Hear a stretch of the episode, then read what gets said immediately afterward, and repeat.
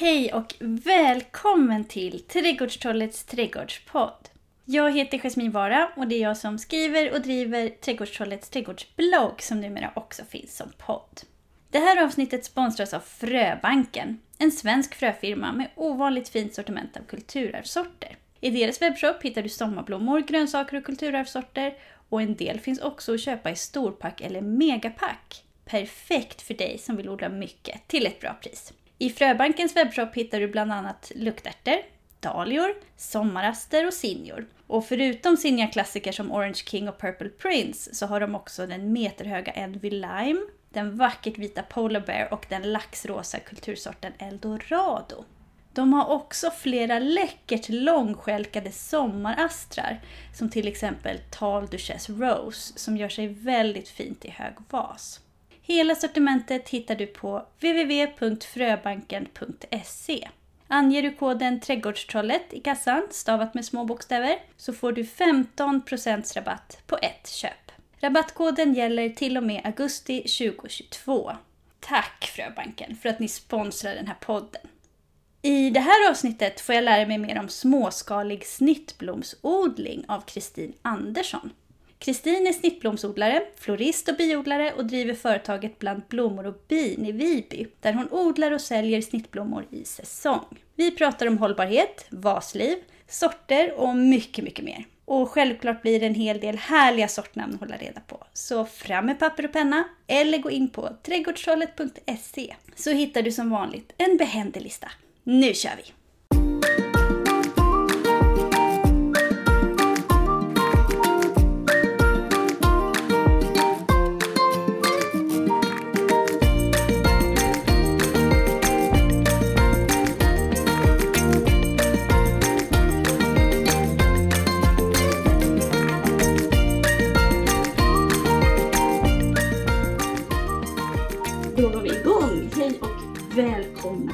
Podden. Snön ligger i drivor här utanför mitt fönster och pallkraksodlingen syns knappt. Och därför ska det bli lite extra härligt att få drömma sig bort till sommaren en liten stund. Ni är många som har önskat er ett avsnitt om just blommor och det ska ni få nu. För eh, här sitter jag tillsammans med blomsterbonden Kristin Andersson. Hejsan Kristin! Hej, här sitter jag. Jag kanske ska förtydliga också med tanke på de som känner mig hör att min röst kanske inte riktigt låter så vanligt. Vi zoomar alltså, vi sitter inte och kraxar i samma rum här utan vi, vi sitter på varsin kammare. Och var befinner du dig någonstans? Vilken zon bor du och odlar du? Jag sitter utanför Örebro i Närke. Zon eh, tre, kanske fyra på en Mm. dålig dag. Men typ, jag säger tre för det känns ju roligare. Men det skulle jag tro. Så södra Närke, zon tre utanför Örebro. Mm. Men det låter ju inte alls dumt, sa hon lite avundsjukt, sa jag då som bor i zon 4. Det är ett riktigt blåshål, nästan zon 5. Eh, Vad har du för odlingsförutsättningar? Hur ser liksom gården eller tomten ut där du odlar? För du är ju blomsterbonde och då odlar man ju Precis. en hel massa blomster. Och hur odlar du dem? De odlar jag i sten. Vi har bara, bara, bara sten. Det är helt värdelöst att odla här faktiskt. Det är sten och det är berg och det är lite sand och det är kvickrot. Men eh, så att odla är ju inte det bästa här egentligen. Men eh, vi kämpar på. Jag är ju vi. Med, jag har faktiskt ett gäng grisar till mitt förfogande som har bökat upp ehm, mina odlingar för kvickroten då, gödsla lite. Men framför allt kvickroten. Och sen så bygger jag uppåt för att jag har inget annat val här. Det är bara, bara sten. Så eh, vi har en gård som ligger mitt, mitt i skogen. Ja, det, vi har bara skog runt om. Liksom, så att det är bara vi här. Vi är ensamma på en kilometer lång grusväg får man åka upp. Och så är det bara vi här uppe. Så eh, det är ingen som stör om jag inte vill bli störd. Utom djuren kanske? Ja, ja det skulle väl vara dem. Ni har ju ett helt batteri av djur som hjälper till. Det är Ja, men det- grisar. Mm, det är grisar och det är getter och de stör väl mer än de hjälper. Det är väl mer, det är såna här typiska stjälpredor liksom. Men eh, så har jag massa fåglar. Jag har ankorna, hönsen, påfåglarna som bara är vackra. Sjukt onödiga djur egentligen. Tar massa plats och låter högt men de är trevliga att titta på. Eh, bina har jag ju. Väldigt mycket bin. Jag är biodlare också så att, eh, väldigt mycket bin. Vad har jag glömt? Du är biodlare, du är blomsterbonde och jag skulle vilja Mm. peta in florist också. Precis. Måste man vara florist för att vara blomsterbonde? Absolut inte. Det måste man inte vara. Men man måste väl ha en eh, förståelse för att det är olika saker, tycker jag nog. Bara för att man odlar blommorna så betyder inte det att man behöver eller bör eller kanske ska arrangera blommorna. För det är ju en hel vetenskap det också. Så att nej, blomsterbonde och eh, florist eller eh, ja, så, det tycker jag nog är ganska så skilda saker. Och det behöver inte vara både och. Mm. Absolut inte. Jag vet ju att det går att odla en hel del hemma hos dig i alla fall, för jag har ju sett på ditt fina fina Instagramkonto. Ja, härliga blommor. och det är ju Alltså jag är ju glad att jag vill odla blommor och inte morötter. För det hade ju varit, det hade varit fruktansvärt om jag, min dröm hade varit rotfrukter. Liksom. Eh, men eh, nej, så blommor, blommor är väldigt tacksamma. Så. Man får täckodla och gödsla och, och, och så. Liksom. Och du får ju odla uppåt. Men eh, många blommor, alltså de, de skiter ju att det är sten. Det är ju... Och tur det. Ja, det är värre för mig än för dem. Det är liksom mitt problem, inte blommornas problem. Det är jag som får, tycker det är jobbigt liksom, när det inte går att köra ner en spade eller grep i backen och säger klonk. Liksom. Nej gud, jag förstår precis. Jag bygger också uppåt. Men om man nu är en, ehm, alltså en, en ganska ny lyssnare på den här podden och inte någonsin har hört begreppet blomsterbonde förr. Vad, vad är en blomsterbonde? Vad gör en blomsterbonde? ja, vad är en blomsterbonde? En blomsterbonde det är väl något, eh, det är väl något begrepp som myntades men typ förra året. Det är ju liksom nytt. Vi är blomster, snittblomsodlare kallar jag mig väl mer än blomsterbonde. Jag säger att jag är snittblomsodlare. Jag odlar snittblommor. Vi odlar snittblommor i säsong, i vår svenska säsong efter årstiderna. Mm. Eh, och det är framförallt snittblommor, inte blommor överlag, utan det är ju sånt som ska funka till snitt. Så det är hållbara blommor. För bukett, liksom, för arrangemang? Precis, för bukett och arrangemang. Det är ju hållbara blommor. Det är ju, tänk blomsteraffär fast vi odlar det här. Istället för att det ska skickas från Holland så odlar vi det här. Holland, Kenya till exempel. ja men precis, det mesta är väl Holland. Men ja, det är Holland man tänker på när man tänker på snittblommorna. Det är de som kör hit dem om inte annat. Det är holländarna ja, som kommer med den. ja. Mm. Nej men så blomsterbonde är väl inget jag kallar mig sådär utan jag säger att jag är snittblomsodlare. Men det är ju samma sak. Men det blev väl, blev väl ett nytt ord, det var det eh, P1 förra året. Mm, det ju, har väl eh, blivit utnämnt liksom till en sån här riktig trend. Ja men precis, ett trendord, blomsterbonde. Så att eh, ja, nu är man trendig också. Första gången för det också.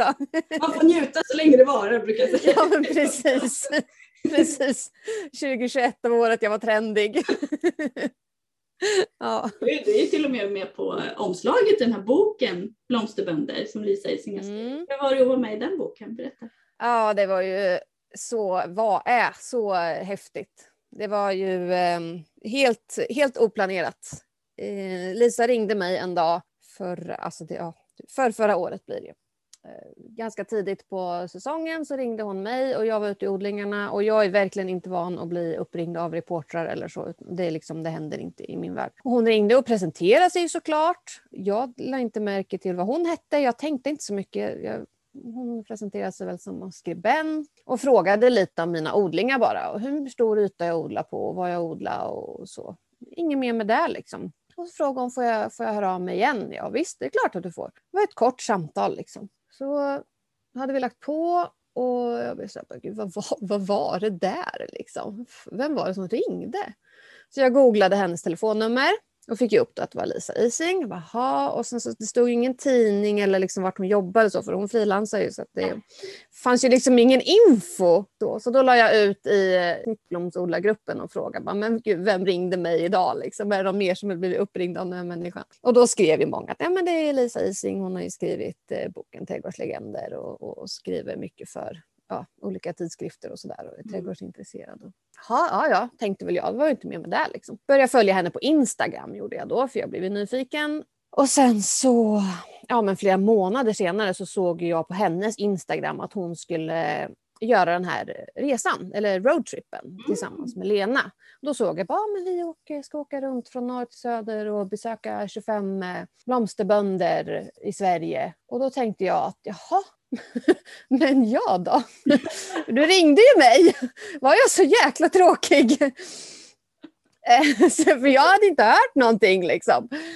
Eh, så jag skickade ett meddelande till Lisa och skrev att ja, men jag såg att ni skulle åka runt. Har ni tid så får ni gärna komma hit. Men vi pratades vid i somras.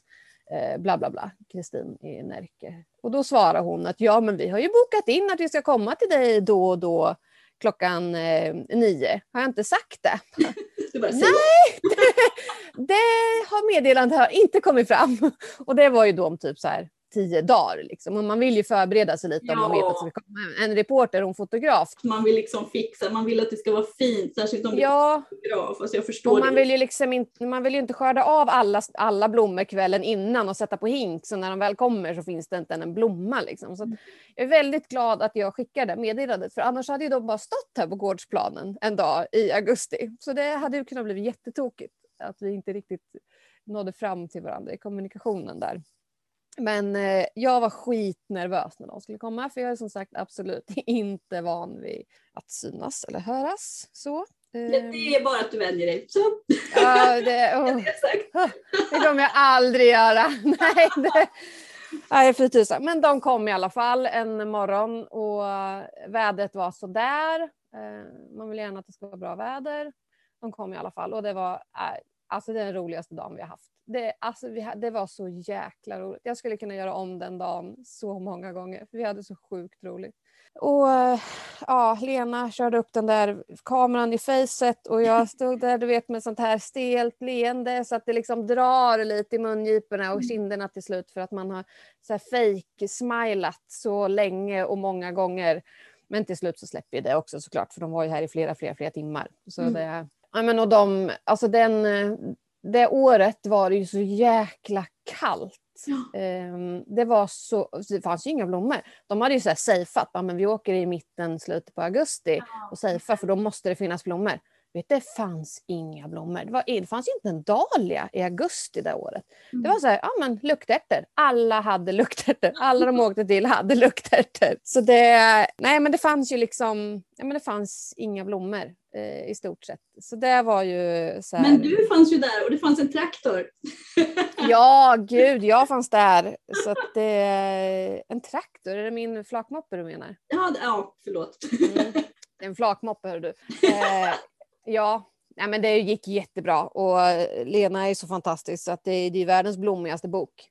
Men det kan man ju inte tro om man vet hur det såg ut hos alla i augusti det året så förstår man ju liksom inte hur hon har trollat fram alla bilderna för det man kan ju inte tro att det är så blomfattigt som det faktiskt var hos alla. Vad hade du önskat skulle vara i Blom då när du kom? Hur stor, jag måste ju ställa samma fråga som hon ställde såklart. Vad, hur stor yta har du och vad odlar du på? Vad är det för slags blommor du odlar? Ja, alltså ytan är väl eh, kanske tusen kvadrat eller något och sånt. Jag vet inte. Och sen har jag, jag vet inte hur många bäddar det är. De är väl typ 10 meter mina bäddar. Och så har jag ganska många. Och jag odlar mycket olika. Mycket olika. Men eh, mycket dahlior. Mm verkar som att det är många som odlar dahlior som är just blomsterbönder. Ja, men alltså det är ju det är en extremt tacksam blomma. Du köper en knöl, du sätter en knöl, det kommer upp. Det är liksom inga frön, inga förodlingar, inga krukor, ingen jord, ingen såjord, ingen vermikulit. Alltså det är liksom, ja, få hem den, sätt den, vänta. Den är väldigt, väldigt tacksam liksom. Så det är ju,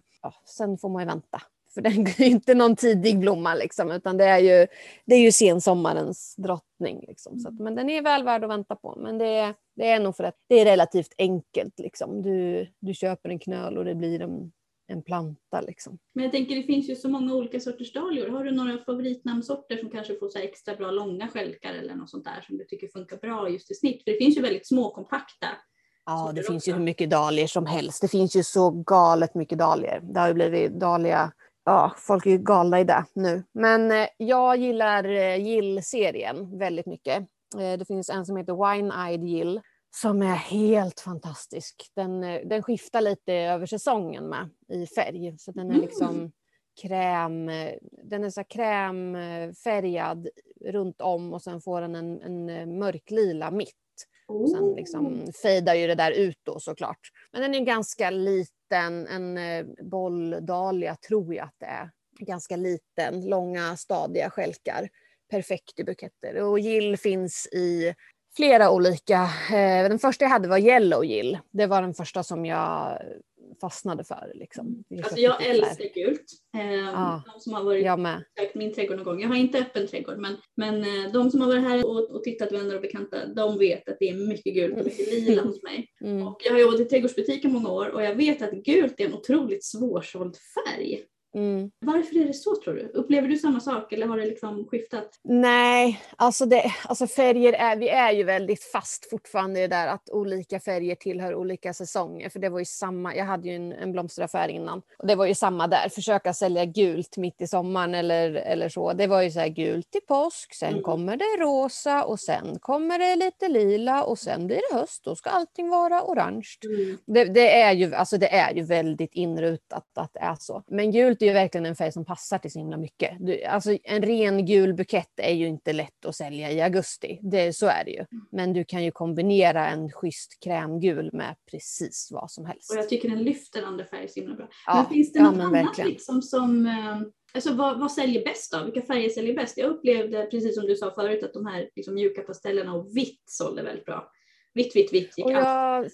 Nej, jag skulle säga precis tvärtom. Mhm. Vitt, ja, alltså för jag, dels är vitt väldigt svårt att odla på friland för det är ju en så känslig färg. Alltså regnar det på en vit eh, dahlia eller aster då är den förstörd. För du, alltså, fuktfläckar, det syns, all fukt syns på en vit blomma. Så det är väldigt svårt att odla, tycker jag, vitt på friland.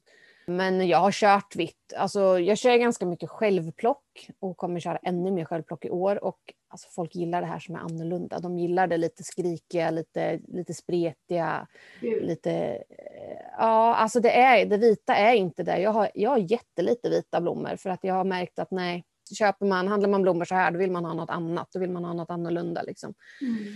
Så nej, det färg går överhuvudtaget. Färg går bra. Hur är det med rosor då? För det är en sån här klassiker storsäljare i trädgårdsbutiker. Det ska alltid finnas liksom buntar med rosor.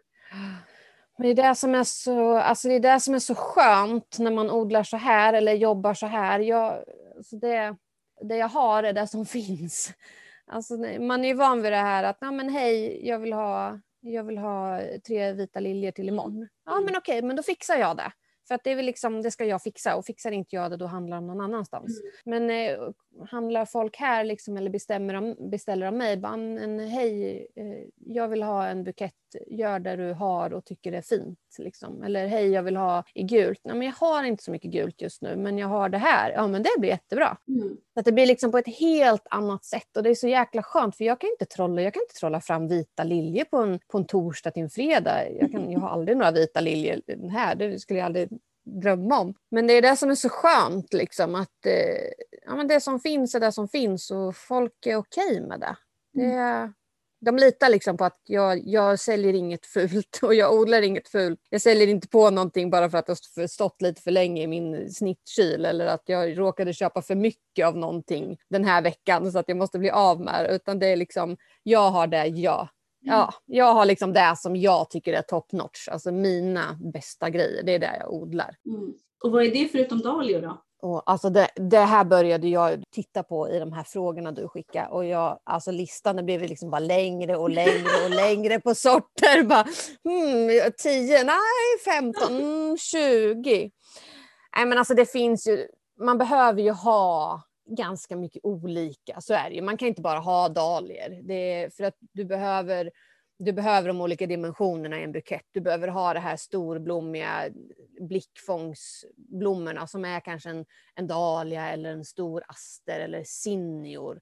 Men sen måste du ha de här, du måste ha gräsen och du måste ha det småblommiga och du måste ha det som fyller, om det nu är en sån bukett du ska göra. Så att det går liksom inte bara att ha, du kan inte bara ha dahlior och, och astrar och zinnior för att du måste, ha, du måste ha allt annat också. Vad kombinerar du till dahliorna då? Alltså om du vill ha något lite mer småblommigt i en dahliabukett? Um, alltså det finns ju något som jag var jätteanti från början. Eller anti, jag är lite så här bara, nej men gud, alla odlar det, då tänker inte jag göra det.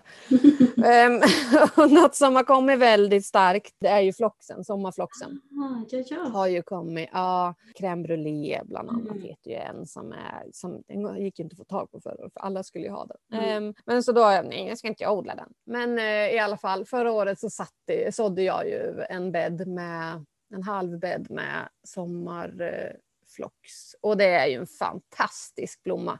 Det, alltså den ser så himla skör ut. Det är så små tunna blommor och de ser så himla sköra ut. Men de bara blommar och blommar och blommar och står i vasen hur länge som helst. Och har det spöregnat på morgonen eller natten och så kommer man ut och så tittar man på dem och man bara alltså jag kommer få, jag kommer få klippa av alltihop tänker man. Mm. Det ser ju för jäkligt ut. Jag får torka upp och så ett par timmar senare då är de som om det aldrig har hänt. Det är liksom det var samma när det blev frost. Det var så här, det här blir, det här blir ju snor nu. Men mm. ja, bara liksom, de är, de är skitbra är de. Jag förstår, nu förstår jag hypen över sommarflox. jag fattar nu. men ja, jag, jag, kom, jag tänkte väl så ja men flox, det är så här mormors trädgård, lite så här, ja men är lite lila, tråkig. Mm. Ja, men de finns ju i fantastiskt mycket färger. Så I år har jag köpt eh, massa nya sorter. Ljusgult bland annat. Oh. Isabellina heter den. Mm. Eh, så det blir en ny för i år. Så den är ju, den är ju fantastisk att bara blanda i med typ vad som helst. Så det är ju en supertrevlig sort. Och sen så hade jag en brudslöja förra året som heter Kermesina. Mm. Det behöver jag egentligen inte ens säga för det går inte att få tag på frön till den. Så det är skittaskigt att jag liksom teasar om den. Men eh, den var också en sån här riktigt skarp rosa. Jag, jag, är verkligen inte rosa. Jag är verkligen inte rosa. Men den är verkligen rosa.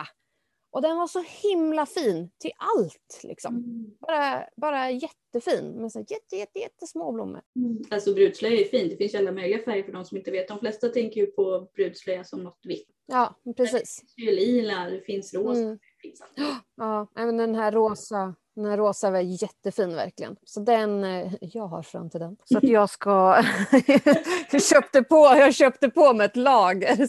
Men den är tydligen, eh, den frösår sig också. Så att, mm. Eh, har man väl fått tag i frön en gång så du behöver köpa frön en gång. För sen är det bara att ta egna frön. Kanske att den kommer upp själv här nere. Vi får se. Och då är frågan, är det någonting positivt för dig eller är det någonting negativt? Fröodlar du någonting själv eller? Vill du helst liksom att de ska hålla sig på sin plats? Att du kan... Nej, alltså jag, jag tycker att det är väldigt roligt när saker och ting bara dyker upp. Jag tycker att alltså dels så saker som frösår sig själv kommer ju oftast väldigt mycket tidigare än där jag sår. Mm. Yes. Det finns ju några sådana här saker som man typ inte behöver så, som eh, eh kärleksgräs, frosted explosion eh, i sånt där skitgräs som man har ja, men typ till röda rosor. Mm. Det är ju sånt, du sår det, köp en påse en gång och sen har du det i hela odlingen. Så, alltså du får rensa Frosted Explosion i alla bäddar, i alla gångar, precis överallt. Och på hösten så är det bara att ta en, en riktigt eh, stor eh, fröig eh, skälk liksom. och så stoppar den i en papperspåse och sen så är det bara så nästa år. Mm. Så det, det, är liksom, det är en sån här typisk sak. Det och amaranter, de sår sig också mm. precis överallt. Rosenskäran, den bara mm. frösår sig och kommer upp överallt. Lejongapen kommer upp överallt. Så att, nej men jag, jag tycker att det är roligt. Och jag, förra året då var det Dahliabädden, där hade det stått, stått annat. Och då, ja, men då kom ju rosenskäran som har självsått sig, då kom ju den mycket tidigare för dahliorna de blommar inte förrän i augusti. Liksom. Precis. Men då hinner det ju komma rosenskära, sen kanske den har hunnit bli lite tråkig då när dahliorna, då kan jag ta bort den och så får dahliorna stå där. Liksom. Så och gräs och, och sådär. Så att jag, nej, jag är inte så noga sådär. Jag tycker att har de frösått sig och inte i vägen, liksom, då kan de få sitta. I mina fasta bäddar där vill jag kanske ha, ska jag ha lejongap där, då kanske jag vill ha just lejongap. Men, men eh, att det dyker upp, man kan ju flytta planter och ofta vet man, man lär sig hur de ser ut, liksom, grejerna. Så att ja, men här kommer en sån här, men då kan jag flytta den och då får jag säkert den att blomma två veckor tidigare än där jag har sått själv. Så att, nej, jag tycker att det är väldigt tacksamt. Det blir lite, jag slipper göra det. Det är, det är jättebra budgetodling tycker jag.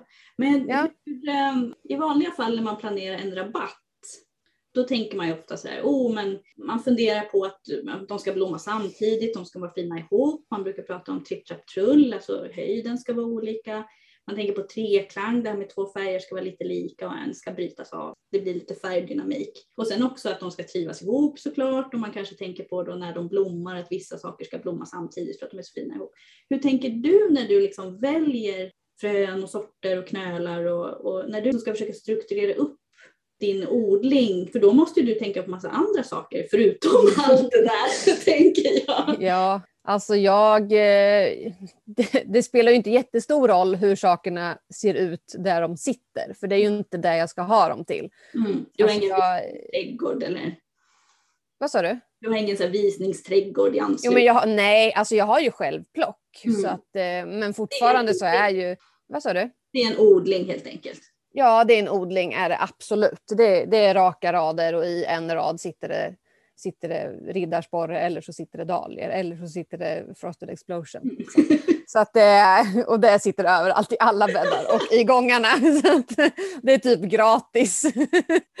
Plocka hur mycket frosted explosion du vill. Nej, men Man kan ändå tänka årstid liksom, eller hur?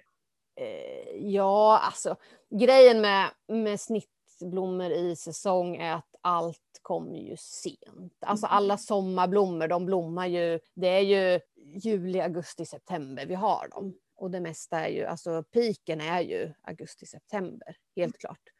Så att det, det är ju inget jättespann liksom. Vi har ju inte sommarblommor från april till, till ja, oktober kan vi ju gå in i, eh, om det inte blir som förra året. Men, eh, nej, men alltså det, det, det jag tänker på, det viktiga för mig är ju hållbarheten. Jag odlar ju inga, jag odlar ju inga blommor som inte håller i vas. Mm. Alltså typ vallmo, det odlar ju jag, men jag odlar ju vallmo för frökapslarna. Jag odlar dem ju inte för blommorna, för en, en vallmo står ju i vas typ en dag och sen har ju alla blomblad ramlat av och sen ligger de där och skräpar. Så det är ju ingenting jag odlar för snitt, utan det odlar jag ju bara för frökapslarna, för de är helt fantastiska. Mm. Så ja, och och står sig själv också fantastiskt. Så att det är också något man behöver så en gång och sen har du frön för en livstid. Men eh, så att alltså hållbarhet, vasliv och eh, skälklängd, stjälklängd, det är ju det, det, är det jag eh, måste kolla på. Liksom. Jag kan inte odla de här 30 centimeters dahliorna för att det går inte att göra. Det går inte att göra en bukett på det. Du kan göra typ knapphålsblommor till, till bröllop. Men jag, jag odlar ju för snittblommor. Liksom. Hur är det ska gå med, att nu skörda. har vi pratat om ettåriga växter. Odlar Mm. du några perenner också? Ja, alltså jag har ju, vi har inte bott här i så många år. Vi har bott här i, det är fjärde säsongen jag odlar blommor här. Jag försö- har försökt att sätta lite perenner varje år. Perenner är ganska dyrt. Eh, eller dyrt ska jag inte säga, men det är, det är en investering liksom. Är det ju. En, en, en på pion. Men de kan vara dyra. Ja men precis, ja men precis. Jag ska inte säga att det är dyrt men det är fortfarande en, en peng som ska ut. Liksom. En, en pionknöl kostar ju ändå ganska mycket. Liksom. Så att förra året så satte jag en bädd med pioner. Gjorde jag. Så att det, sen så har jag, eh, ja men jag har, jag har några bäddar nu. Har jag med bland annat vit brudslöja, den klassiska. Så för perenner är ju det man kan fylla det här sommargapet med. Det är ju de som kommer, först kommer ju narcisserna och sen kommer tulpanerna. Och sen kommer ju pionerna och perennerna och sen kommer sommarblommorna. Ja. Så att det är ju det är liksom perennerna som man får fylla ut det här, eh, det här gapet med. När ingenting annat, alltså det är ganska torftigt liksom. Man bara står och går och väntar på att dahliorna ska slå ut och, och astrarna och allting. Så att det, det blir mer och mer. Men det är ju också så här, sätta en pion i år, då kan du skörda om tre år. Ja. Så det är ju liksom inte... Första året ska man liksom ta bort alla knoppar och det är ju så här, det skär ju lite i hjärtat bara att veta att i år måste jag ta bort alla knoppar som kommer. Det kommer inte komma många, men eh, de få som kommer. Nej, men man får långsiktigt och det är likadant Ja. man driver upp små alltså, sticklingsplantor och sådär. Ja, Eh, När jag har haft praktik i växthus och sådär, man har stått och ja, men liksom pytteplantor, man står där och knipsar av alla blommor just för Ja. att kraften ska inte ja gå, men precis. den ska gå till Mm. rotningen istället. Och så Mm. kommer någon kund och går där i växthuset och blir helt förfärad och liksom Ja. frågar, men vad gör du? Då ser de hela Mm. skottkärran med blommor. Mr Adams och liksom bara snyggt. liksom glad i hågen. Så jag förstår precis vad du menar. Det skär ju lite i början men sen blir man ju lite Jo, men det, ja, men det gör det ju verkligen. Det är inget, alltså, perenner är ingen quick fix, liksom, utan det är ju verkligen, det sätter man ju för framtiden. Så att, men det, det måste man ha. Och det är ju en grundpelare. Liksom. Det är något du vet ha. Alltså du har dem där. Sätter du perenner, då vet du att de kommer upp varje år. Blir jag sjuk en vår, eller om jag inte hinner, eller om frosten tar allting. Eller, ja, men om det händer någonting med allt jag driver upp, ja, men perennerna de kommer ändå komma upp. De kommer ändå blomma, för de sitter där. Liksom. Så har du satt dina buskar och för att du ska kunna skörda kvistar. Har du satt dina pioner och, och dina rudbeckior och, och dina gräs och, och dina eryngium, eh, tistlar och sådär. Men de kommer ju upp. Liksom. Även om du ligger och snorar en hel vår eller vad du nu vad som skulle kunna hända. Liksom. Om du bryter benet, ja men de kommer ändå upp. Liksom. Så de är väldigt sköna att ha där. De är ju en kollega liksom, som inte sjukskriver sig. Pålitlig. Ja, men de, ja, de vabbar inte, pionerna vabbar inte. Liksom. Men finns det något annat då? Jag tänker typ så här, alltså, finns det några vackra grenar, typ så här kornellgrenar? Finns det, Det finns ju massa fint. blommor man kan stoppa i liksom, om man vill? Det finns ju massa fint. Jag ska säga att jag är inte, jag är inte jättehemma på det än. Eh, Jag har satt eh, jag satte lite buskar i år, lite spirea och lite, mm, ja, det, lite allt möjligt. Eh, någon eh, salix. Det är ju lurigt därför att säger man sprea då tänker alla på den norska brudsprean och den är inte, Ja men precis, ja, den är inte så jäkla rolig. kanske inte var den du satte. Du kanske sett på Det kanske inte, var, kanske inte var den jag satte. Nej, det var, det var väl en eh, smällspirea jag satte. Mm, typ Diablo. Ja, det var nog exakt Diablo jag satte. Jag satte inte bara en, jag satte ganska många. Eh, var jag och shoppa. Men eh, och sen så har jag köpt någon sån här Salix som får rosa kissar. Och Oh. det vill man ju ha till tulpanerna till exempel. Tulpanbuketter med videkissar är ju helt fantastiskt. Kan man ju också skörda lite tidigare innan de har slagit ut och så får man ställa dem i kylen tills om det liksom inte riktigt klaffar i tid för det vet man inte. Vid elementet om man har lite bråttom. Ja, precis. Det kan vara åt båda hållen, absolut. I badkaret, duscha med varmvatten. Ja, nej, men så att eh, jag håller på och bygger upp med buskar och, eh, och perenner. Eh, vill ha mycket mer, för det, alltså det finns så mycket schyssta eh, buskar och grenar och kvistar som man liksom vill ha. Men det är också så här, sätta i år, skörda om fyra år. Så att man får ju sätta lite varje år. Men det är samma, men till tulpanerna, det är ju så här körsbärsblom, fantastiskt, äppelblom, fantastiskt. Så det är ju, och det har man ju ofta hemma. Det är ju inte många äppelträd som lider av att man tar fyra kvistar på våren och, och tar till sin tulpanbukett. Liksom. Mm. Så det finns ju ofta mycket saker som man kanske inte tänker på. Och Salix, sälj, det står ju överallt. Liksom. Jättefint. Och sen får man ju inte plocka hur som helst såklart. Men har man hemma eller tillstånd från markägare så finns det ju mycket fint man kan använda sig av. Liksom. Som inte tar fyra år. Ja. Ja, men- alltså, vad är det som tar mest tid för en blomsterbonde då i, i verksamheten? Är det vattning eller bokföring eller något annat? Jaga sniglar?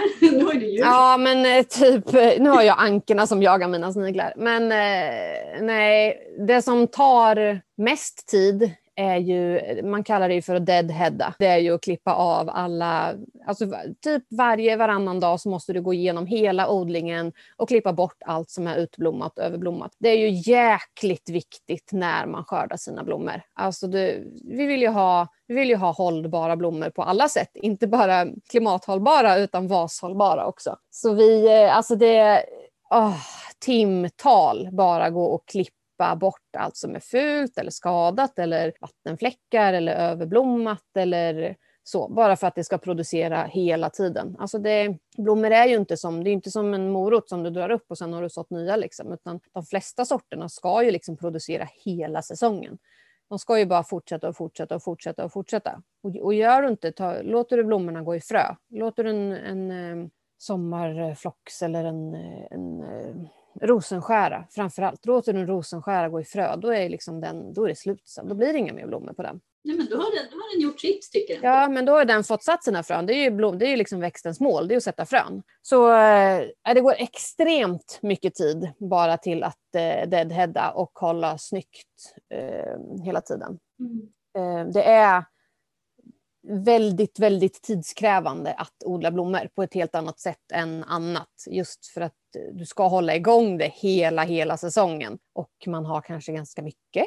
Det är ganska stort, stora områden. Du kan ha en luktärtsvägg. Luktärtor är ju också ett sånt där praktexempel på om du inte är med Låter du en luktärt gå i frö, då, är det liksom, då kan du ta bort den plantan sen. Det, den, är liksom, den är rökt. Så det är, alltså, du kan ju gå en timme varje kväll bara och plocka luktärtsblommor eh, som har slagit ut för mycket. Så eh, deadheada eh, och skörda.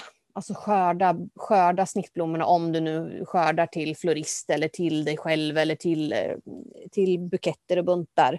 Skörda tar extremt mycket tid för att det är ju, vi skördar ju bara det som är perfekt. Alltså det är ju inte bara ta alla liksom. Utan det är ju, det är ju de som är perfekta idag liksom, som ska tas. Det är inte alla som har slagit ut. Alla är en bädd. Ja, nu är de här morötterna klara liksom. Uh, utan uh, det är ett jäkla pyssel att skörda i rätt stadie. Och så ska det snittas och så ska det på vatten. Ja, så, berätta det, ja. därför det tror jag att det är många alltså, hobbyodlare och privatpersoner som, som köper blommor som inte riktigt förstår hela det här arbetet med själva alltså, skördandet av snitt. Berätta hur man gör det på bästa sätt och när på dagen man gör det och varför man snittar till exempel. Jag tror inte men precis. vad man gör. Nej, nej, men grejen är att eh, du ska skörda, du kan inte skörda när det är så här 25 grader varmt mitt på dagen, för då har du ju, alltså, du har ju ingen spänst i blommorna. Utan, eh, du måste skörda tidig morgon eller sen kväll. Det är då man skördar blommor. Och eh, det ska direkt ner i vatten när du har skördat det. Det ska bladas av. Du får inte ha massa blad i vattnet. Eh, Du måste ha rent vatten, du måste ha rena hinkar, du måste ha rena redskap och verktyg för annars så får du bakterier i vattnet och då börjar det växa massa alger och skit och då sätter ju stjälkarna igen och då vissnar, då slokar blommorna på en gång. Dålig hållbarhet. det är ju, ja, det är hållbarhet, hållbarhet, hållbarhet. Alltså vi vill ju, vi vill ju ha de bästa blommorna på alla sätt liksom. Så du ska skörda tidig morgon eller sen kväll och sen så är det ju bra redskap, vassa knivar, vassa sekatörer, hinkarna ska stå där, det ska vara kallt vatten i hinkarna. Du ska gärna ha en kyl som du kan ställa, du måste ställa dem svalt för de vill stå vattendra. Du skördar liksom inte direkt och säljer direkt utan du vill att de ska dra vatten ordentligt och du vill se att inget slokar för du kan ju ha plockat en zinnia som, ja men inte vet jag, saker och ting slokar ju, så är det ju bara. Men man vill liksom kolla alla grejer en och två och tre gånger gärna innan man säljer det. Så det är, det är ett väldigt pyssel att skörda snittblommor och snittblommor ska skördas i rätt tid. Alltså det, ehm, har de slagit ut och biet har varit där eller fjärilen har varit där och pollinerat blommorna, ja men då är de överblommade. De kommer inte stå i en vas. Så alltså, visst, jag sparar jättemycket. Jag har ju bin själv så att jag, jag vill gärna att de ska få ta del av odlingen också. Men så fort jag ser att, att bina har varit där, liksom, då är det ju bort med de blommorna så att nya knoppar får slå ut. Då är det bara att snipp, snipp, snipp, klipp, klipp, klipp. Ja, men precis. Snipp, snipp, snipp och så rätt ner på backen igen och så får det gå tillbaka. Det blir gröngödsling liksom. Så får det gå. Det är inte konstigt att jag har så himla mycket självsådder. Men, eh, men det är extremt, eh, det är jättenoga med hur och när du skördar. För det gör hela skillnaden i vaslivet. Mm. Vi, vi vill ju ha jag vill ju sälja de bästa blommorna. Liksom. Jag vill ju att folk ska komma tillbaka för att buketten stod i två veckor. Mm. Eh, Jag vill inte att mina, mina kunder ska handla blommor varje vecka utan jag vill att det ska räcka att de handlar varannan vecka. Liksom, för att det är så bra ska mina blommor stå och då är det ett jäkla jobb med det. Så ja, men att vattna, visst det tar, väl, det tar ju tid också men det är ju ingenting man, det är generellt. Liksom, för att det är, man har ett bra bevattningssystem, ja, men då sköter ju där eller så regnar det lite lagom eller så regnar det inte alls. Så att det, Det visst, beror ju på väder också. Är en jätte... ja, alltså det är svårt då. Sånt tar ju liksom jätteolika tid. Men just, eh, just att ta hand om dina blommor för att de ska leverera hela sommaren. Gödsla rätt mängd och, och deadheada och puttinutta med dem. Det tar väldigt mycket tid. Mm. Så är det. Men varför ska kunderna köpa blommor just av en svensk blomsterbonde? Då? Om de ska vara lite själviska, vad, liksom, vad vinner de på att handla av, av svenska blomsterbönder istället för att knalla in till den här internationella trädgårdskedjan som ställer in från Kenya eller något annat land? Alltså du vinner ju, alltså dels, ja men det är som jag säger, du behöver bara köpa, förhoppningsvis så behöver du bara köpa blommor varannan vecka. För att man får ju tänka på, jag, jag skördar mina blommor på morgon och säljer dem dagen efter. Eller på kvällen och säljer dem dagen efter. Alltså det är ju så himla färskt som det kan bli. Men om du importerar en blomma, den har liksom gått på auktion i Holland, den kanske har åkt från Kenya, den kanske, alltså det, transporterna är ju helt galna och de lig, dessutom ligger mycket av blommorna ligger torrt den här tiden. Så det, det tappar ju så extremt mycket energi, blommorna. De är ju nästan, jag ska inte säga att jag har haft en blomsteraffär själv. Jag, det är liksom inget mot blomsteraffärer men det, det går knappt att jämföra. Alltså det går inte att jämföra en, en importerad tulpan med en svensk tulpan i, i säsong för att det, det, det är liksom som natt och dag. Så det får du ju. Och du slipper ju, ja, men du kan köpa snittblommor med gott samvete. Liksom. Det, det kan man ju inte egentligen göra annars. Det är ju inte, snittblommor är ju egentligen inga schyssta grejer. Så det finns ju sådana här fair trade-märkningar. Men det är väldigt sällan, alltså det känns ju som att man ofta måste välja att antingen så blir det fair trade och då har arbetarna haft det bra, eller i alla fall okej. Okay. Eller så finns det ekologiskt. Det finns aldrig liksom både och, utan antingen så får du mänskliga rättigheter med bekämpningsmedel mm. eller så får du, mm. alltså det är som att man måste. Jo men även om du köper, båda de har ju åkt hit. Ja. Så att du kommer ju aldrig från transporten, antingen är det ju lastbil, båt eller eh, flyg. Mm. Alltså du kommer ju inte, du kommer ju inte ifrån transporten, även om du köper Fairtrade-blommor. Och alltså jag, fatt, alltså jag, jag suktar också efter tulpaner nu, det gör jag verkligen. Och snart, snart har vi, och på många ställen, nu bor ju jag, vi bor ju inte i söder, varken du eller jag, men på många ställen så finns det ju redan svenska tulpaner och det är ju fortfarande ett bättre alternativ, även om inte de absolut, de är inte lika bra som våra i säsong sen. Eh, men de är fortfarande schysstare. Liksom. Så att, eh, för snittblommor, du kan inte riktigt köpa snittblommor i en blomsteraffär med, med väldigt gott samvete. Det, det finns inga sådana. Det finns, det finns liksom inte konventionella snittblommor. Nej. Nej. med miljö att göra. Ja, men precis. Det finns inte schyssta snittblommor på så vis, tyvärr.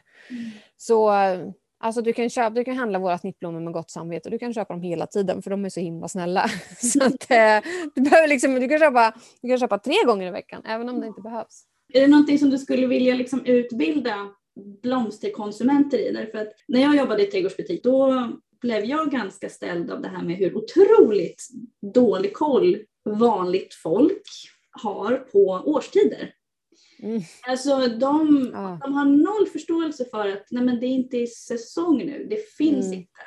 Ja men då kan väl du beställa det från mig? Bara, no, fast det är inte alltid allting går att beställa nej. heller.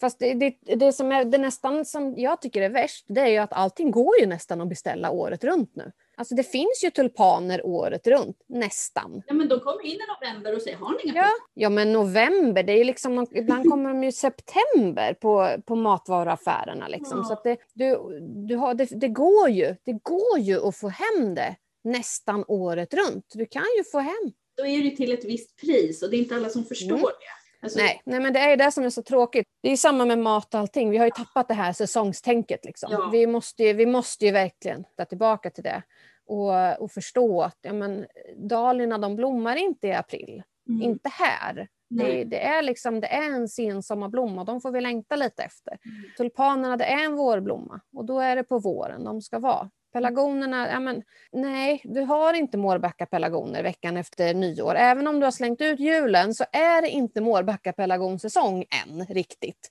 Vi får vänta lite på dem. Så att det, ja men det är, vi måste tillbaka till det där och liksom uppskatta att det, är, det finns en säsong för allt. Mm. Och, och, vi får vara liksom glada för de säsongerna vi har. Det, vi måste verkligen uppskatta det. Och då blir jag supernyfiken på alltså vad vad säljer du på vintern? Eller är det en säsongsverksamhet? Som, eller hur? För du har ju andra verksamheter också. Det är café mm. och grejer. Berätta. Jag har säsong. Har jag.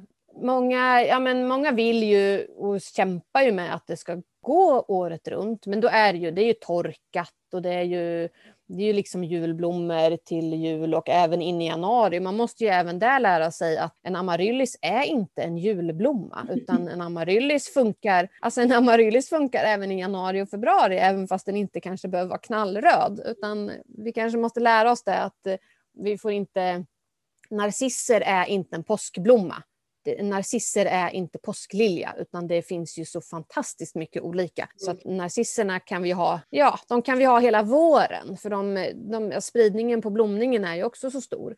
Så uh, vi måste nog komma ifrån lite det där inrutade också. Att, nej, men, uh, det som finns, det som finns. Liksom. Vi, kan inte slu vi kan inte sluta tycka om påskliljor veckan efter påsk. Liksom. för, det, för då, vi har, vi har jättemånga andra narcisser. Liksom. Och nu har jag verkligen glömt vad du frågade. jo, året runt säsong.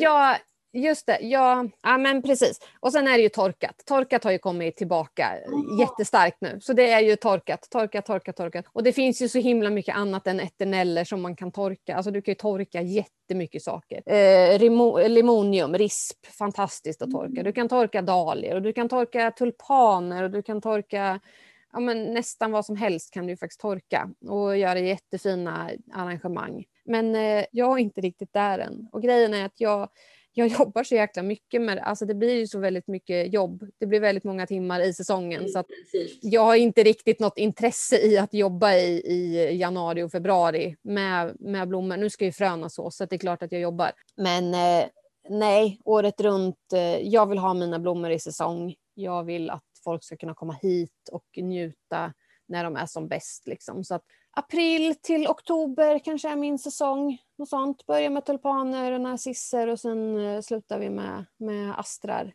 i oktober. Så, så vill jag jobba. Liksom. Jag, eh, jag har ju som sagt jag har ju andra saker. Jag har biodlingen och det, det är mycket som ska förberedas på vintern. Och det är inte så att jag sitter och rullar tummarna i, i fyra månader utan det, är liksom, det finns ju annat att pyssla med. Jag har mitt, eh, jag har mitt som säsong för att jag tycker att det, det passar mig bra. Mm. Nej, man behöver inte jobba ihjäl sig heller, herregud. Den här branschen är ganska, ganska slut. men det, gör- det, det gör man ju liksom vare sig man vill eller inte. Men det, är ju, det blir ju, har man valt att ha sommarsäsongsyrken som jag har. Jag, jag odlar och biodlar. Bina, det är inte, de är inte särskilt lattjo så här års. Det är ju, det är ju, jag kan inte biodla på vintern och jag kan inte, jag kan inte ha tulpaner nu. Liksom. Så att det, nej, jag har ju valt mina, mina sommarsäsongs... Så då jobbar jag allt på sommaren istället och våren och lite på hösten. Så minns du, alltså det, är- nu är det ju pandemi fortfarande. Det är väldigt många människor som, alltså intresset för trädgård har ju formligen exploderat. ja. Folk odlar sina trädgårdar mer än någonsin och det är många, Ja. särskilt nu när det är nytt år och så, att de omvärderar sina liv och sitt karriärval och det är många som liksom drömmer Mm. om en givande, feelgoodig tillvaro. Mm. Och då verkar det som att det är många som är sugna just på att skola om sig, börja med något i den gröna näringen, kanske bli blomsterbonde. Mm. Du är ju så trendig nu här. Ja, jag är ju så trendig. Jag låg liksom före min tid nästan. Helt galet. Det kommer aldrig mer hända. Men, men när, när upptäckte du det här? Alltså hur kom det sig att du blev just blomsterbonde? Alltså jag, nej men jag har alltid odlat. Det har jag med mig från hemma. Mamma, liksom, ja men Runobergs eh, katalog redan när jag var liten. Som hon och grannen beställde frön ihop. Och ingen gräsmatta, bara trädgårdsland. Jag är uppväxt med att odla där man käkar. Pappa är jägare så han, han ja, men schysst mat liksom. Eh, och eh, Gorbys typ. Men det är ju en parentes. Asch. Ja, ingen är perfekt. Men, eh, nej, men alltså jag har alltid odlat. Eh, men sen när jag hade min blomsteraffär så alltså all tid gick ju till den. Och jag, hade inte ens, jag hade inte ens blommor hemma på bordet för att jag, det fanns liksom inte all min tid. Jag, hade, jag, jag, jul, jag julpyntade inte hemma för jag, jag julskyltade en butik. Mm, jag känner eh, igen det där. Eh, Det är, det är verkligen skomakarens barn. Man har, har man en blomsteraffär så har man inga blommor hemma. Nej, man är med. Eh, det är liksom, ja, ja, men alltså pelargonerna i fönstren de, de hänger på trekvart. Liksom. Så de åren odlade jag inte särskilt mycket. Jag har alltid odlat lite. Ja, men ska, man ska ha egna morötter, man ska ha egen vitlök, man ska ha de här grundgrejerna. Liksom. Så att lite så har jag, det har jag alltid gjort. Men sen när jag hade butiken så ramlade jag in på ett Instagramkonto som eh, Jenny på Västby blomsterodling har. Mm. Hon är också med i den här boken. Eh, hon är inte så långt härifrån. Hon är i samma eh, län. Så då började jag fundera på om jag skulle handla av henne. Mm, till din butik. Ja, men precis. Men eh, sen så tog ju allting en annan vändning och jag stängde ner min butik och började odla istället. Så eh, Jenny var den första som jag fick syn på och då började jag tänka att ja men gud, det kan man ju göra. Det är ju, det är ju härligt. Så Då började jag ju smått, alltså lite grann. Liksom. Sen har jag ju ökat varje år. Mer och mer och mer och mer och mer och mer och sen blev det helt hysteriskt. Nu är det helt hysteriskt. Eh, det är, det är så sjukt mycket blommor och så sjukt mycket lökar och så sjukt mycket knölar. Så att det, men det är, ju, det är härligt. Det var så jag kom över det först. Det var, det var ett Instagramkonto med en 19-årsodlare. Och sen ganska så kort efter det så bildades ju föreningen Snittblomsodlare i Sverige. Och då Jenny är med där och var med där från början också. Så då, det var ju säkert på hennes sida jag såg det först. Så när den föreningen startades, då hade jag börjat odla. Jag tror jag kanske började odla året innan eller något sånt där eh, här, när vi hade köpt den här gården. Så då gick jag med i den föreningen ganska så tidigt. Eller ganska så, jag, var nog typ, jag har nog ett av de lägre medlemsnumren. Jag hängde nog typ på låset när den föreningen, så här, avierna kom ut. Jag kastade mig på medlemsanmälan. Så då gick jag med där. Eh, och sen ja, bara fortsatte jag med dem. Och det är samma där. Vi med, alltså det var väl från början i den föreningen för två år sedan startade väl den på våren. Då var det 30 medlemmar och nu är det kanske 120 eller något sånt där. Och det är verkligen inte alla som är med i den föreningen, men många av oss är ju det. Så det har ju, alltså det har ju verkligen exploderat förra året och antalet eh, nya medlemmar var ju helt galet. Mm. Så man, man märker ju att det bara, ja, det är så inne att odla blommor nu. Alltså odla snittblommor är ju... Att inte bara odla utan även att köpa. Att köpa ja. närodlat och närproducerat. Om man nu lyssnar ja. på det här poddavsnittet och känner liksom att oh, nej, men jag vill jättegärna köpa blommor på det sättet, men jag vet inte vart jag ska åka. Finns det någon sån hemsida med lista liksom på, på snittblomsodlare efter län mm. man kan titta på eller finns det något sånt? Vart ska man börja liksom? Man, var ska man börja? Jo, snittblomsodlare i Sverige. Ah. Där kan man gå in. Vi har en hemsida och där är alla medlemmar med. Mm. Och där har du ju en karta och sen så är du på ditt ställe på kartan och sen ser du vilka som finns. Men som sagt, det finns många, många fler. Eh, det är bara att leta. Men alltså det, det finns så mycket snittblomsodlare nu så vill du, vill du hitta en i närheten så kommer du göra det. Det finns en i närheten av dig för vi är jättemånga nu och vi är verkligen utspridda från norr till söder. Så det är inte bara liksom Skåne och Halland utan det är, det är hela Sverige finns det någon som odlar snittblommor. Eh, så det, det kan man ju absolut leta. Och hittar man inte där, ja men då kanske man kan kontakta någon i föreningen och fråga. Men nu hittar inte jag någon i mitt län, vet du någon som finns? Liksom. Mm. Och Instagram hittar du ju typ alla nu. Så att, för det finns, vi är, vi är faktiskt skitmånga nu. Det... orientera sig. Ofta så är det ju sådär med informationen, så det finns ju ofta mycket information men det kan vara svårt att hitta det som finns, att liksom orientera ja. Om man är väldigt sugen på att själv bli blomsterbonde, om man bara såhär, åh mm. där, det, det vill jag göra. Nu tänker jag inte mm. sitta på något kontor och jobba länge. Nu vill jag bli blomsterbonde. Finns det någon utbildning, någon folkhögskoleutbildning eller något man kan gå? Ja, i folkhögskola vet jag inte. Inte just för snittblommor. Det kommer jättemånga utbildningar, eh, ploppar upp. Jag kan inte, jag har ingen erfarenhet av någon. De flesta är så himla nya, så att, för det här är så himla nytt så att man kan inte säga den där är jättebra. Liksom, för det, det, är de, nej, det är de nog säkert allihopa. Men det får man också leta lite efter. Man får, det är flera i, i vår förening som startar utbildningar och kurser och workshops och sådär. Men sen kommer det också sjukt mycket böcker nu. Alltså det kommer ju så väldigt många böcker på ämnet. Det, du har ju boken Jag är med i Blomsterbönder. Det, där kan du hitta, där har du 25 odlare också. Alla i den boken odlar ju olika. Liksom. Så att där hittar du jättemycket inspiration. Emily Bratt har ju, har ju släppt sin bok precis. Ja, alltså det, finns, det kommer jättemycket böcker om just snittblomsodling nu. Så vill man börja odla, börja nörda ner dig. Låna alla böcker på biblioteket, lyssna på alla poddar, följ alla på Instagram. Det finns liksom hur mycket som helst. Vi i föreningen försöker ju synas på mässor och, mm. och, och lite sådär också. Så vi försöker ju synas. får man ju fråga och man kan ju kontakta oss även om man inte liksom man går inte med i en förening för snittblomsodlare det första man gör, men man kan fortfarande fråga oss. Vi finns ju här för att kontakta liksom, och vi är ju som sagt ganska många. Så läs på, gör din läxa liksom, för det är inte bara att odla blommor, mm. utan det, det, är ganska mycket mer runt om det för att du vill odla de bästa blommorna. För att det är ju det vi vill lära folk nu. Vi vill ju lära folk att svenska snittblommor är de bästa. De håller, läng de håller längst i vas, de är snällast. Vi, vi vill ju verkligen eh, vi vill ju att alla ska odla det bästa och då, då krävs det lite kunskap. du måste veta när du ska skörda dem och vilka sorter som står bra i vas och hur, ja, men allt det här, hur du ska ta hand om dem när du har skördat dem och så där. Så att läs på ordentligt och pröva dig fram. Första, första dahlian som slår ut, ja, men den kanske du inte kan sälja för den kanske du måste testa själv. Hur länge står den här i min vas? Så att du, du kanske behöver ett år bara för att testa på vänner och bekanta. Liksom. Hur funkar de här blommorna? Hur står de här blommorna? Mm. Så läs på. Det finns litteratur och, och allt möjligt. Det finns ganska Låna mycket en nu. bok och en kurs, det är väl en Ja. jättebra början. Ja, men precis. Om man vill provodla lite hemma då, eller om man bara är en glad hobbyodlare som tänker att Nej, men jag kanske vill prova på att odla mina egna snittblommor.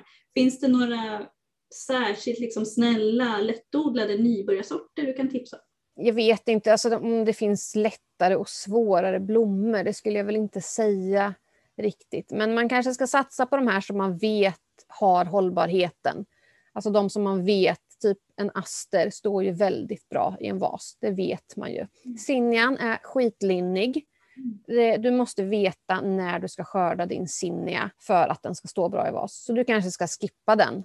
Och du kanske ska hålla till ja, men dahlior, inte de här stora dinnerplates-dahliorna, för det är ingen bukettblomma. Liksom. Utan du kanske ska köra på de här bolldahliorna och ja, näckrosdahliorna och de som är mer för snitt. Näckrosdahliorna är fina för de är ju uppåt också. Jättekonstigt ord. Men de är liksom, de tittar uppåt, inte rakt fram. Så Mm. de är väldigt lätta, de är väldigt lätta att arrangera i en bukett. Och sen ja, men, grönt, gräs och, och sådär, det står sig också jättefint. Man kanske ska ja, men, ha snitt, eh, snitt solrosor, finns ju jättefina sorter. Procut Plum är min absoluta favorit. Mm. Älskar den. Skitsvår att få tag i har den varit. Men nu har vi ju, det är samma med det. Alltså det har ju exploderat något galet. Alltså det är ju, det är ju som fröbrist. För att alla ska ju odla. Så fröbristen är ju helt, helt galen. Så få tag i frön är inte det lättaste. Och nu när vi inte kan handla från England heller så... Och så har Brexit, vi ju- ja. Oh. Mm. Så att eh, halva, tid, halva vintern går ju åt till att jaga frön. Liksom. Så det, det ska man ju också tänka på. Det är inte lätt att få tag i frön för att det är, det är också lite för nytt än så länge det här med att odla snittblommor på friland. Så att det är inte så många fröfirmor som har hängt med eller de kommer liksom nu.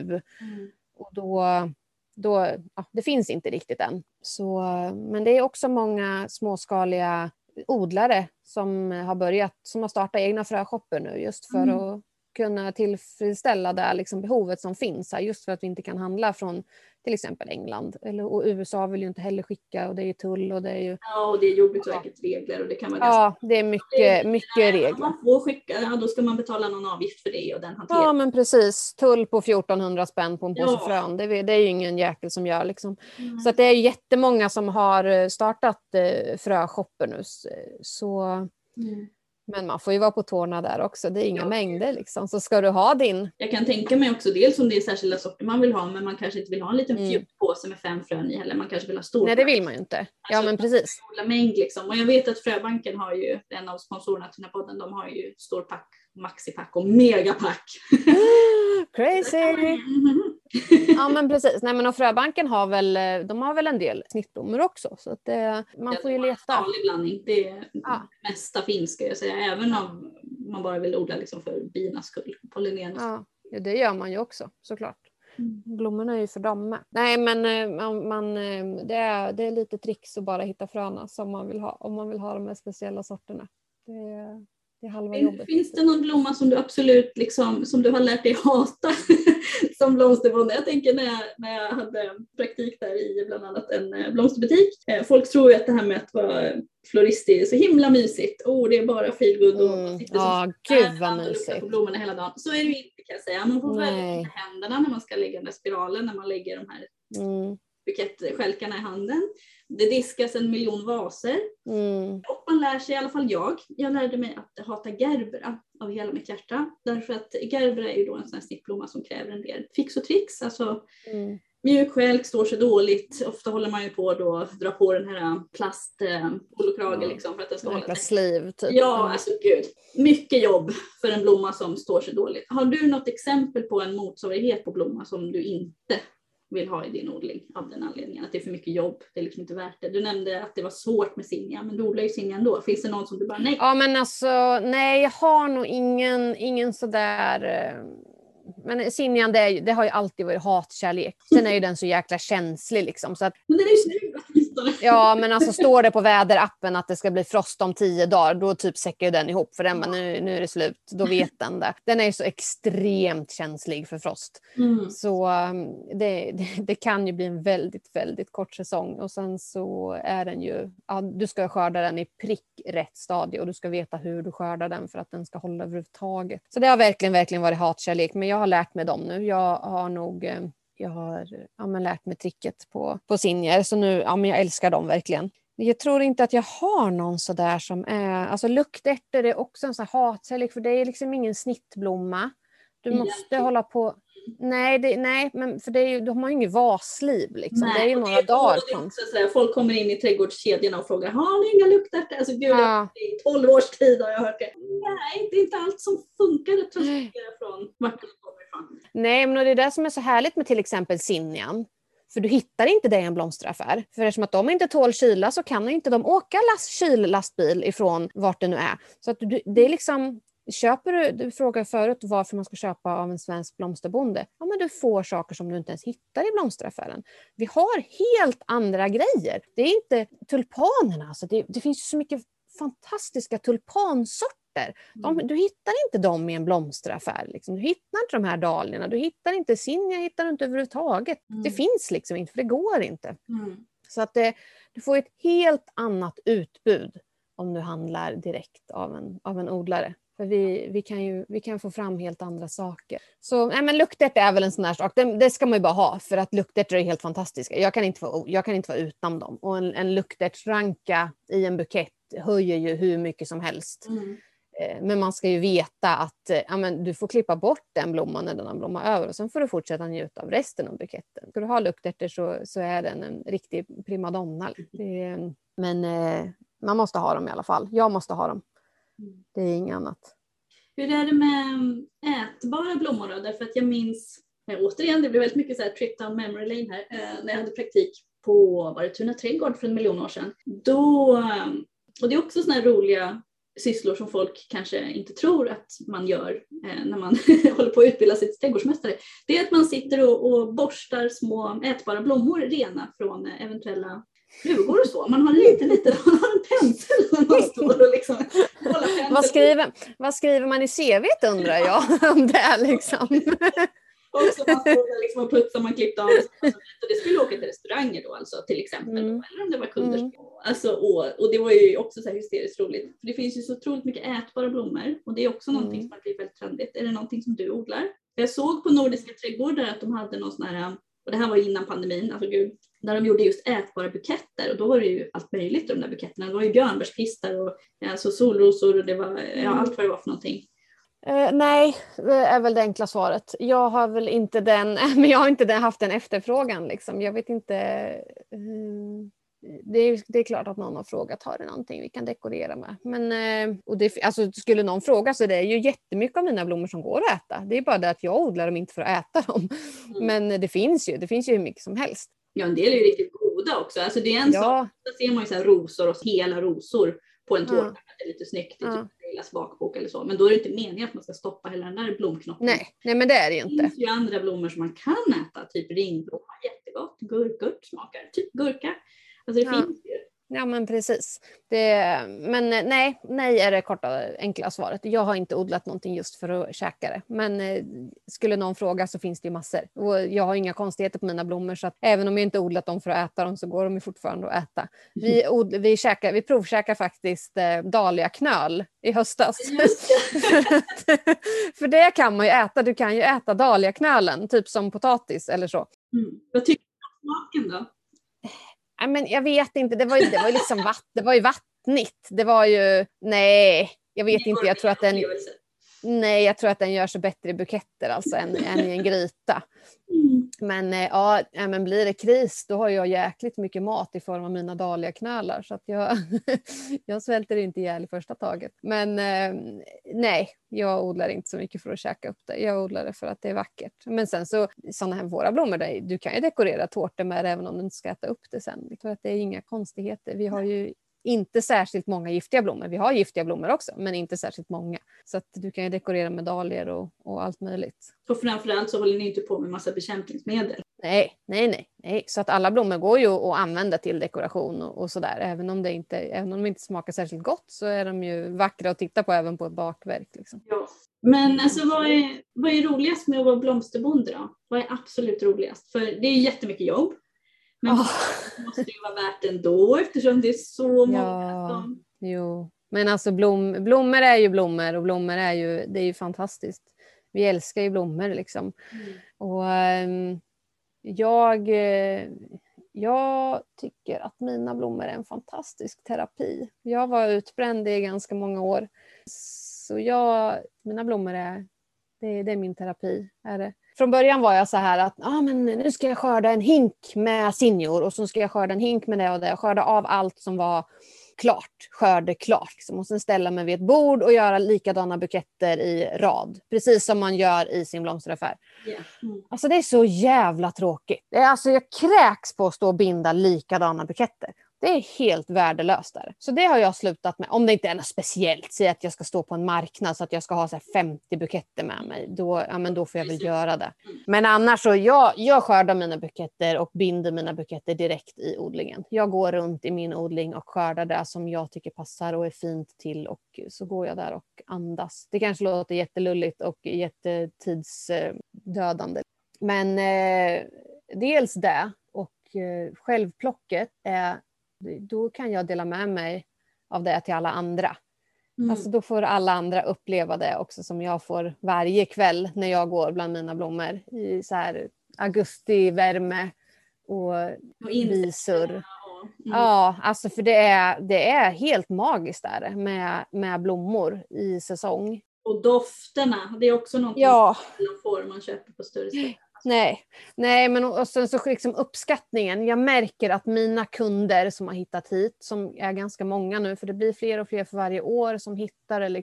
Det är ju, man, märker, man märker att det, det växer på, på alla sätt. Liksom. Det är ju, konsumenterna får ju upp ögonen för det här och det sprids ju verkligen. Och det uppskattas så himla mycket. Alltså, så bara det man får tillbaka, att det, men det är bättre kvalitet. De får komma ut hit och hämta buketten istället för att åka in till stan. Eller vi kan leverera eller så häm, hämtar man den ner i mitt blomsterskafferi. Liksom, Mm. eller, uppskattningen från kunderna är så jäkla, jäkla fin.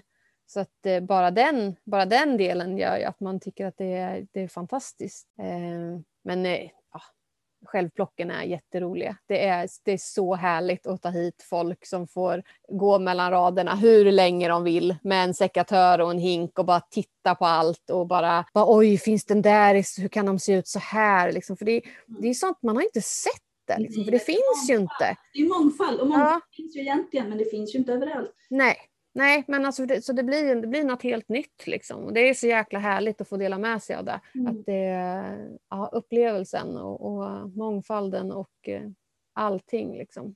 Men om man vill komma hem till dig då och köpa lite blommor, självplocka lite.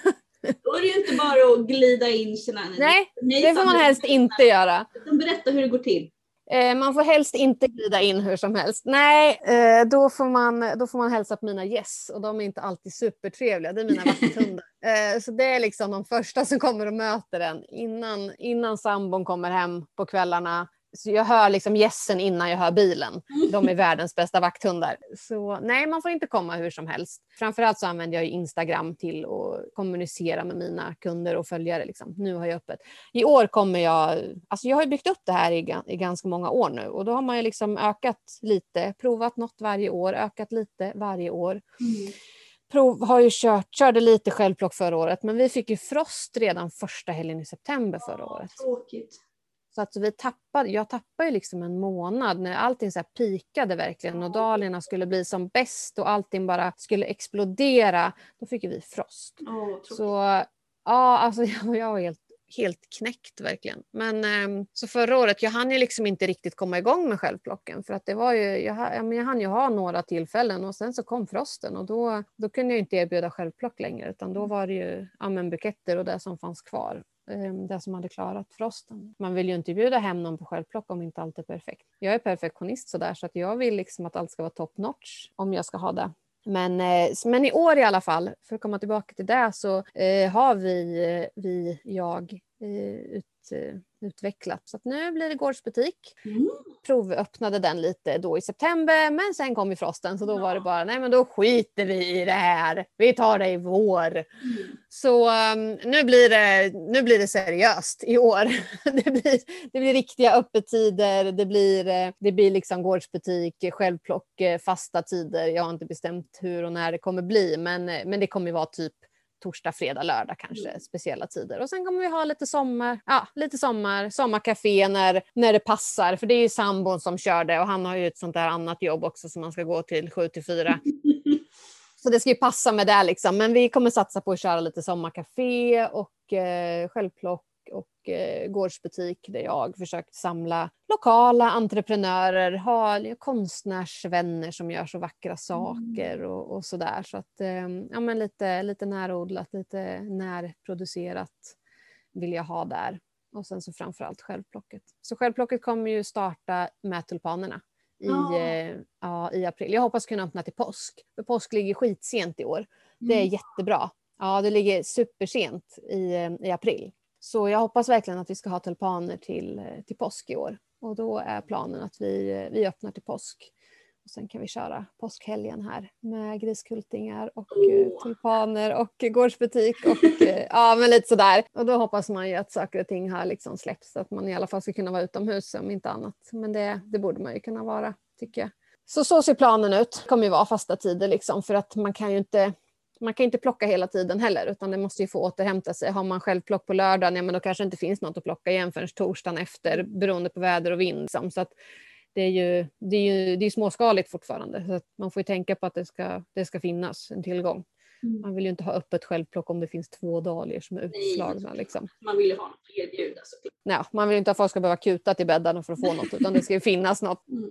Men eh, det blir tulpaner och det är, alltså, vi är många som odlar tulpaner nu så det tycker jag att man ska kolla efter sin närmsta tulpanodlare. För alltså, tulpanerna i säsong i april och maj de är helt ljuvliga och så mycket fina sorter. Dubbla och doftande och tre blommor på varje skälk och Åh, jättelånga. Och, Nej. Korta och knubbiga. Vad tycker du man ska titta efter? Har du några här special, specialfavoriter som du gillar lite extra tulpaner? Ja, alltså, men de dubbla är ju fantastiska, så är det ju. Eh, Förra året så odlade jag en som heter Sensual Touch. Den är en, eh, en orange-gul eh, dubbel fransk tulpan och den var jag känner helt fantastisk. Ja, alltså den, den var så fin och hölls, liksom, slår ju ut i det här orangea, intensiva orangea och sen fejdar den ju ut. Den blir blekare och blekare och blekare och blekare ju, mer, ju längre den står i vasen och sen är den ju typ ljusgul när man eh, kastar den och åker och hämtar nya hos sin blomsterbonde. Men det var ju en, en eh, fantastisk. Sen Black Hero är en eh, hög tulpan som också dubbel fast mycket mindre i blomman. Sensual Touch blir så här typ piontulpan liksom. Men eh, Black Hero är ganska så liten i blomman men dubbel och på en väldigt lång skälk. Så du får en helt annan, du får en helt annan grej. Liksom. Där får du ha en hög eh, vas och du behöver inte ha så många. Det blir typ fransk tulpan över Ja. den mer. Så eh, alltså det finns så himla mycket fantastiska sorter. Men Sensual Touch var, den var riktigt bra för och jag sålde jättemycket av den. Så att det, det är typiskt så här gul, orange. Funkade även fast det var april-maj. Och det är ju inte liksom en typisk färg då alls. Jag tänkte att orange det kommer inte funka. Men det gjorde det. Det funkade hur bra som helst. För att det är ju det är inte färgen man går på då. Liksom. Gud, ja, jag känner bara vill över. Ja, nej, men alltså man ska leta, helt klart leta efter sin närmsta odlare som odlar tulpaner på friland. För det är helt magiskt alltså. Helt fan. Och kan man ju köpa med lök också. Så har du löken kvar och då ja, men bara på ett fat med vatten, lite lite vatten. Och så står de hur fint som helst. Så det, du kan få något helt annat. Och just tulpaner är lite lurigt därför att det finns ju så många såna vackra sorter som tyvärr inte brukar orka existera så många år. Alltså när du väljer Mm. tulpansorter, försöker du ta sorter som, alltså hur, hur många år framåt tänker du? Tänker du så här, oh nu ska jag ha en sort? Inte alls. Nej. Nej, alltså grejen att jag har ju, det är snitttulpaner och de får vi ju, vi får ju behandla dem som ettåringar. Mm. För alltså när vi skördar av, antingen så, så rycker jag ju upp med hela löken och så säljer jag ju med lök och alltihop. Oh la la, bara en sån sak som konsument. Ja. Mm. Och då kan man ju, alltså, fast det är också de här är ju framdrivna för att de ska vara fina en säsong. så är det ju. Det är ju visst, det finns, jag, har, jag har några sorter som, som är sådana som kommer tillbaka också. Men eh, när du skördar av du, tar, du snor ju allting för löken. Du, det, jag menar, om en lök ska producera en tulpan nästa år igen, då måste den ju få vissna ner så att du får, tillbaka, så att du får tillbaka näringen och den kan sätta en sidolök så att sidolöken kan bli, göra en blomma nästa år. Och du sabbar ju allt det. När du klipper bort liksom blad och allting så har, du förstör ju återhämtningen för löken. Så att eh, nej, det är, det är snittsorter man köper på tulpaner och man får tänka att det är en, det är en ettåring. Liksom. Men narcisser däremot, mm. som absolut inte är samma sak som påskliljor, men det är, ju, det är ju där vi tänker. Narcisser är ju, det är ju en perennlök. För du, där skördar du ju inte bladen utan det är ju en, du får ju en blomskälkspinne och på den sitter din narcissblomma som är helt fantastisk i aprikos och den är dubbel och den är enkel och den doftar och den är ljusgul och den ja, knallgul. Och, det finns ju så mycket fina. Och det är däremot, den, den kommer ju igen. Mm. Så den, eh, där tänker man, den får man ju sätta någonstans där den kan sitta kvar liksom, mm. och bara fortsätta. Så den, det sätter man ju en gång, typ som en perenn. Och sen så fortsätter den att komma och komma och komma och komma. Så det är ju det är himla härligt. Det är ingenting man behöver investera i varje år. För alltså tulpaner blir ju ändå en riktigt rejäl investering varje mm. år. Du köper ju tulpanlökar varje höst och mm. ganska många. Så det är ju, det är ju nackdelen med tulpaner, helt klart. Att det, det blir ju ja, det blir en kostnad helt enkelt. Ja, det blir en, en ganska rejäl kostnad. Men eh, nej, så det är snittsorter. Absolut. Jag älskar ju narcisser men jag tycker alltid det är så otroligt svårt att komma på vad man ska kombinera dem med i mm. as. Har du något förslag där? Ja, men det är ju det gröna, alltså det är kvistarna på våren. Man kan ju, du kan ju driva, driva körsbär eller bro, du kanske inte ens behöver driva dem, det beror på. För narcisserna är också sådana, det finns ju de som kommer jättetidigt och de som kommer jättesent. Så du får ju en väldig bredd på tiden där också. En del, en del har ju börjat titta upp redan nu. Och andra kommer inte komma förrän i maj. Men det är ju kvistarna, det gröna, som passar så fantastiskt till narcisserna. Så spira, spira kvistar. Knappar och spir och liksom att det ska funka ihop så visuellt. Men ibland så är det ju så att en blomma ska få vara själv, ensam primadonna. Ja, ja. ja men just där bakom istället. Ja, och tulpanen är ju framförallt en sån sak tycker jag. Du behöver inte mycket till tulpaner för att de, de, de gör sig väldigt bra själva.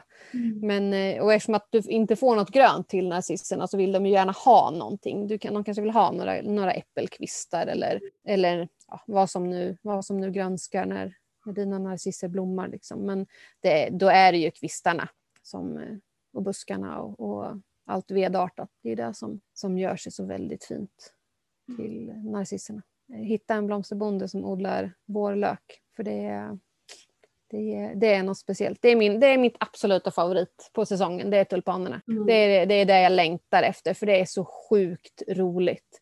Det är så härligt med tulpanerna. Och bara knirret. Jag tycker det är så kul. Ja, ja men verkligen. Det är ingen florist som jag känner som inte liksom går igång på det knirret. Nej. Hur länge de har jobbat i branschen. Oh. Ja, men det är, och det är liksom tecknet för att det är liksom, ja, men nu kör vi, nu är det vår, nu är det liksom allting bara spirar. Så, nej, fick jag välja något, liksom, då skulle jag bara odla tulpaner. Mm. Helt klart. För det är, det, det är liksom säsongens lycka och det är så roligt. Och folk de som handlar tulpanerna säger gud, jag, jag, jag har insett nu att jag har ju aldrig köpt en riktig tulpan innan. Mm. Nej, men det har du. Det har du ju inte för att det är, buntarna på ICA, det är, inte, det, är ju slit och släng-grejer. Så det är ju så sjukt roligt att de blir så uppskattade, tulpanerna. För de är, de är fantastiska. Det går inte att säga något annat. Det är liksom ingen överdrift. Nej men gud, det är ju som att, som att odla livsglädje. Ja, men det är ju alltså tulpaner, det är liksom det är lyckopiller istället för att gå på Ja, istället för att gå på lyckopiller så kan du, kan du odla tulpaner. Liksom. Det, ja, nej, verkligen. Nej, de, det, går inte att få, det går inte att få för mycket tulpaner på våren. Det är omöjligt. Jag håller verkligen med.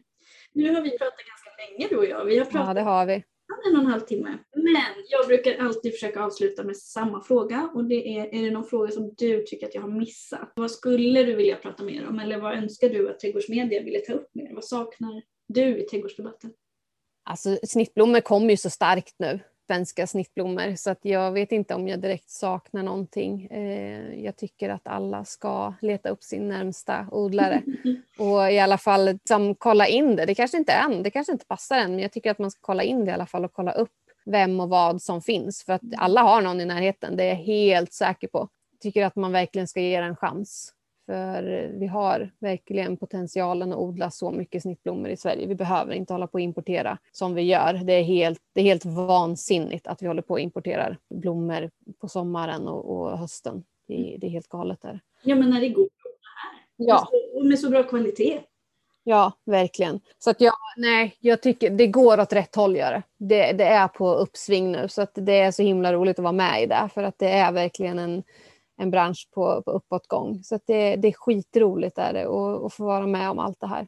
Mm. Och det gäller bara att konsumenterna hänger på tåget. Mm. Så, och det tror, jag, det tror jag att de gör.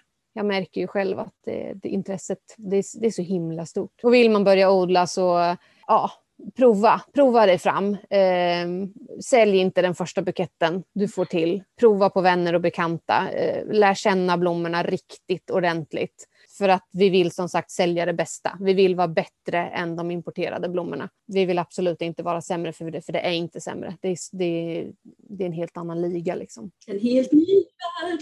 ja, ja, verkligen. Så att, eh, men, eh, sälj inte det första liksom, utan, utan var lite smart och, och bygg upp någonting som kan bli riktigt bra istället. Mm. Och lär dig, lär dig dina snittblommor, för det är skillnad på blommor och snittblommor. Mm. Helt klart. Snittblommorna vill vi, vill vi ha ut något helt annat av. Men eh, kör, för det är, det, är helt, det är helt fantastiskt med egenodlade snittblommor i säsong. Och det finns, vi är ju många nu, så att nätverket som finns, det finns så väldigt många man kan bolla idéer med. Och många är väldigt, väldigt villiga att dela med sig. Åk på studiebesök, åk och hälsa på din närmsta blomsterbonde och den som inte är närmst också. Pricka in några på sommarsemestern, åk på några självplock och se dig om. Liksom, för att det är, det är en Lisa för själen. Du, du får en terapitimme samtidigt som du går och plockar dina blommor. Det, det är helt otroligt. Är det. Men, det är ju en helt annan upplevelse kan jag säga. Ja. Än att stå och trängas i någon trädgårdsbutik på våren. Med... Alltså det är ju det. Alltså trädgårdsterapin är ju det är liksom den gröna näringen. Det är ju helt fantastiskt där. Och sen så blommor på det, det kan ju liksom inte bli fel. Det fattar ju vem som helst. Det är ju sjukt, sjukt bra kombination. Så leta upp din närmsta odlare och var på nu. För det här är det, är det som kommer nu. Det här kommer, det här kommer vara det som kommer bli standard. Jag tror det. Mm. Nej, det här är bara början hoppas jag. Ja, men det är bara början. Och det är som sagt det är så jäkla roligt att vara med och ha varit med ganska så från början. Visst, vi har ju odlare som hållit på i 25 år också som liksom enträget har hållit i. Det finns inte många, men det finns några stycken som har odlat i alla, alla, alla år och det har ju funkat det också uppenbarligen. Så det finns ju, det finns ju verkligen en efterfrågan. Men sen behöver vi kanske lära om lite. Vi behöver ju även lära vi behöver även lära floristerna och butikerna att det finns, för många säljer ju till butik. Så att vi, behöver, vi behöver lära alla, inte bara konsumenter. Vi behöver lära alla att tänka om igen. Men eh, nej, det är fantastiskt att vara med, för det är, det är en så himla härlig bransch att vara med i. Det är en positiv bransch, verkligen. Mm. Kul. Mm, så härligt. Hoppas vi att det är extra många som lyssnar på det här och blir inspirerade både att det hoppas vi verkligen. handla och att kanske prova på själv också. Nej, men Instagram och, och sappa in och, och leta rätt på mig kan man göra. Och, Oh, jag kommer krydda med så mycket länkar. Oj, oj. Ja.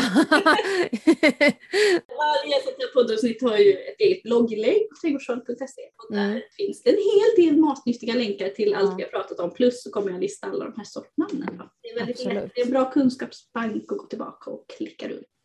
Tack snälla du för att du vill vara med i podden. Jag känner att jag själv har lärt mig jättemycket. Jag brukar ofta säga lite så till mina gäster att ja, ibland spelar jag lite dum och, och, jag ställer frågor så att alla ska hänga med. Men jag behövde inte spela dum den här gången. jag hade ganska lite på som, som en vidareutbildning för mig. Tack snälla du för att du har lärt Tack mig. själv. Jätteroligt att få vara med, verkligen. Så härligt. Lycka till med verksamheten. Tack snälla. Då får du ta hand om dig. Hej då! Ja, det med. Hej hej!